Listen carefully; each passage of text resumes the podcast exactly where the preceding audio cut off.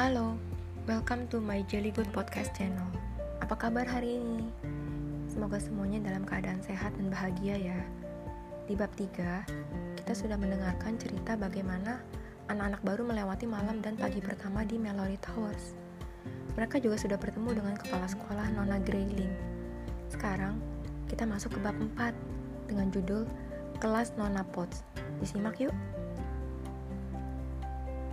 Seluruh murid Mallory Towers setiap pagi berkumpul di ruang pertemuan untuk berdoa bersama. Murid-murid itu berkumpul menurut kelasnya, menurut asramanya. Daryl memperhatikan anak-anak yang sekelas dengannya. Betapa banyaknya, mungkin sekitar 25 atau 30 orang.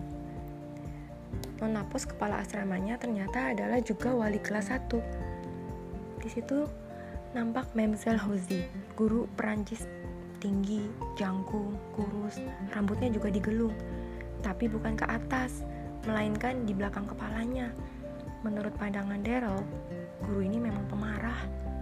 Alicia memberitahukan kepada Daryl, itu guru sejarah, Nona Carton, yang memakai leher baju tinggi dan kacamata dengan penjepit hidung. Ia sangat pandai, tetapi suka menyindir kalau ada yang lemah dalam sejarah itu guru kesenian, Nona Lini. Ia sangat baik dan ramah. Daryl berharap akan banyak berjumpa dengan Nona Lini. Karena nampaknya guru kesenian ini sangat menyenangkan. Wajahnya manis, masih muda, rambutnya merah bergelombang. Nah, yang itu guru musik, Pak Yang. Kau lihat dia, dia aneh. Kalau sedang baik, baik sekali. Kalau sedang jahat, jahat sekali. Kami selalu bingung dengan dirinya kalau sedang mengajar. Tidak bisa ketebak lagi seperti apa perasaannya. Tiba-tiba, mata Nona Potts melirik ke arah Alicia yang langsung tertunduk dan tidak berbisik lagi ke Daryl. Nona Potts sama sekali tidak menyukai anak-anak yang suka berbisik-bisik, terutama di saat sedang berdoa bersama. Pembacaan doa selesai, murid-murid pergi ke kelas masing-masing. Kelas-kelas ini berada di sisi gedung sebelah barat. Suara hiruk pikuk tawa riang. Anak-anak ketika sedang berada di ganggang yang menuju kelas-kelas tersebut. Anak-anak kelas 1 menempati ruang kelas yang jendelanya menghadap ke laut. Sebuah ruang besar dengan meja guru di bagian depan dan ada beberapa lemari di bagian belakang. Meja dan kursi untuk murid-murid diatur dengan rapi. Cup, ini mejaku, Suruh seorang anak bertubuh gemuk langsung duduk di meja yang dipilihnya dekat jendela. Aku cup yang ini, kata Gwendolyn. Ikut-ikut menduduki meja dekat jendela lainnya. Anak gemuk tadi mengawasi Gwendolyn dengan rasa heran. Kamu anak baru kan? Tanyanya kemudian. Nah, kamu tidak berhak memilih tempat dudukmu. Anak baru tinggal menduduki kursi yang tersisa setelah dipilih oleh anak-anak lama. Muka Gwendolyn merah padam. Dikibaskannya rambut keemasannya dan ia merengut berdiri. Ia tetap berdiri di samping meja itu yang dipilihnya. Gak berani duduk, tetapi malu untuk meninggalkan meja itu. Seorang anak bertubuh kecil, tapi kuat, mendorongnya ke pinggir. Langsung duduk di meja itu. Aku ambil meja ini, kata anak itu. Hai Rita, bagaimana liburanmu? Gak enak ya, berada di kelas poti lagi. Daryl menunggu sampai semua anak sudah duduk, kecuali dirinya, Sally, dan Gwendolyn. Kemudian, ia menyelinap di antara kursi dan meja untuk duduk di tempat duduk samping Alicia. Alicia sedang asik berbicara dengan anak di meja sebelahnya. Mereka tampaknya sangat akrab. Daryl, ini sahabatku, Betty Hills. Kami selalu duduk berdampingan. Sayang sekali, ia tinggal di Menara Barat. Daryl tersenyum pada Betty. Betty anak yang lincah dengan mata coklat yang nakal dengan sebagian poni di dahinya. Daryl menyukai anak ini, tetapi sayang sekali, Alicia telah bersahabat dengannya. Tadinya, Daryl berharap Alicia mau bersahabat dengan dirinya. Daryl tak begitu berminat bersahabat dengan Sally ataupun Gwendolyn. kata anak yang duduk dekat pintu. Poti datang. Langsung sunyi di kelas itu. Semua berdiri tegap menghadap lurus ke depan. Terdengar langkah ringan tapi cepat. Nona Potts masuk ke dalam ruangan, mengangguk pada semua anak dan berkata, Kalian boleh duduk. Nona Potts mengabsen mereka dan mencatat adanya anak baru dari menara lain. Semester musim panas selalu menjadi semester yang menyenangkan, katanya. Kalian akan bisa berenang, main tenis, piknik, dan jalan-jalan. Tetapi jangan sampai menganggap bahwa semester musim panas ini hanya untuk bersenang-senang. Sama sekali bukan. Dalam semester ini, kalian harus kerja keras dalam belajar. Kalian ada yang harus menempuh ujian pada semester berikut. Kalau kalian kerja keras, maka ujian itu akan terasa ringan. Kalau tidak, ya, aku yakin akan banyak yang mengeluh dan mengaduh. Kemudian matanya menatap tajam. Semester lalu, ada satu dua orang anak yang agaknya betah berada di urutan terbawah setiap minggu katanya. Aku berharap pada semester ini kalian kerja keras untuk naik peringkat. Terus terang, aku tidak terlalu mengharapkan anak baru untuk bisa menempati ranking yang lumayan. Tapi kalau anak lama masih berada di ranking terakhir, ya itu namanya keterlaluan. Nona Potts melanjutkan pembicaraannya.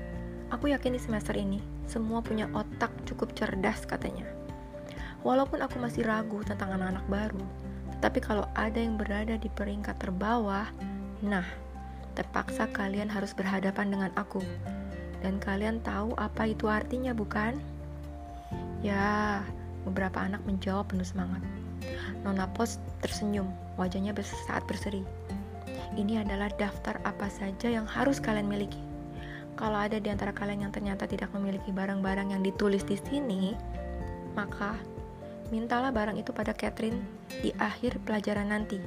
Aku akan memberi waktu 10 menit untuk itu. Pelajaran pertama, matematika. Nona Potts tiba-tiba membagikan kertas ulangan untuk melihat sampai di mana anak-anak baru bisa menguasai pelajaran itu. Daryl merasa soal yang harus dibuatnya cukup mudah, sedangkan Gwendolyn terdengar berkeluh kesah, rambut panjangnya terurai sampai di meja. Kenapa Gwendolyn? Tanya Nona Potts tajam. Guru pribadiku, Nona Winters, belum pernah mengajariku menyelesaikan soal seperti ini, rengek Gwendolyn. Caranya menulis soal juga berbeda. Kamu harus belajar menerima caraku, kata Nona Potts. Dan Gwendolyn, mengapa rambutmu tak kau rapikan pagi ini? Sudah, kata Gwendolyn heran, sambil mengangkat muka. Aku telah menyisirnya baik-baik sampai hitungan ke... Aku tak ingin mengetahui sampai hitungan ke berapa. Tukas Nona Potts. Kamu tidak boleh masuk ke kelas dengan rambut terurai seperti itu. Kepanglah nanti waktu istirahat. Ih kepang, seru Gwendolyn ngeri. Sehingga semua tertawa. Tetapi aku tidak pernah... Cukup, kata Nona Potts. Kalau kamu tidak tahu cara mengepang rambutmu, Mungkin ibumu harus memotongnya pendek-pendek nanti. Gwendolyn begitu ketakutan, hingga susah bagi Daryl untuk menahan tawanya. Puas ya, kata Alicia. Gwendolyn dengan marah mencibir pada Alicia. Gwendolyn merasa merana hatinya. Ia tidak tahu cara mengepang rambut. Hampir semua pertanyaan soal ulangan pun tidak bisa dijawabnya. Waktu istirahat tiba, anak-anak berhamburan keluar untuk bermain di mana pun yang mereka suka. Ada yang bermain tenis, ada yang berjalan-jalan saja, ada yang duduk-duduk di dalam taman. Daryl sesungguhnya ingin bermain dengan Alicia, tapi Alicia sepertinya sedang asik bermain dengan Betty. Mereka pasti tak akan senang bila aku ikut, pikir Daryl. Terpaksa Daryl mencari-cari siapa yang bisa diajaknya bermain. Gwendolyn entah pergi ke mana. Mungkin mengepang rambutnya. Sally Hope di mana ya? Ternyata Sally duduk sendiri di rumput. Daryl mendekatinya. Bagaimana pendapatmu tentang Mallory Towers? Tanyanya. Lumayan, jawab Sally singkat. Apakah kamu menyesal meninggalkan sekolahmu yang dulu? Tanya Daryl lagi. Kalau aku, memang ingin kemari, tetapi sedih juga meninggalkan kawan-kawanku yang dulu. Kamu juga pasti berat meninggalkan kawan-kawanmu, kan? Aku tidak punya kawan, kata Sally. Aneh sekali anak ini, pikir Daryl. Rasanya sulit untuk diajak berbicara. Ia selalu sopan menjawab pertanyaan, tapi tidak pernah balas bertanya, sehingga percakapan terpaksa berhenti. jadi terasa kaku. Wah, itu Gwendolyn, Daryl melihat dari jauh. Apakah rambutku sudah rapi? Tanya Gwendolyn dengan gaya minta dikasihani. Telah ku coba mengepangnya. Sungguh jahat Nona memaksaku mengepang rambutku ini. Kurasa aku tak akan menyukai guru yang satu itu. Mari ku tolong mengepang rambutmu, kata Daryl berdiri. Sepertinya kamu gak tahu cara mengepang rambut, Gwendolyn. Dengan cekatan, Daryl mengepang rambut keemasan itu. Cepat sekali selesai.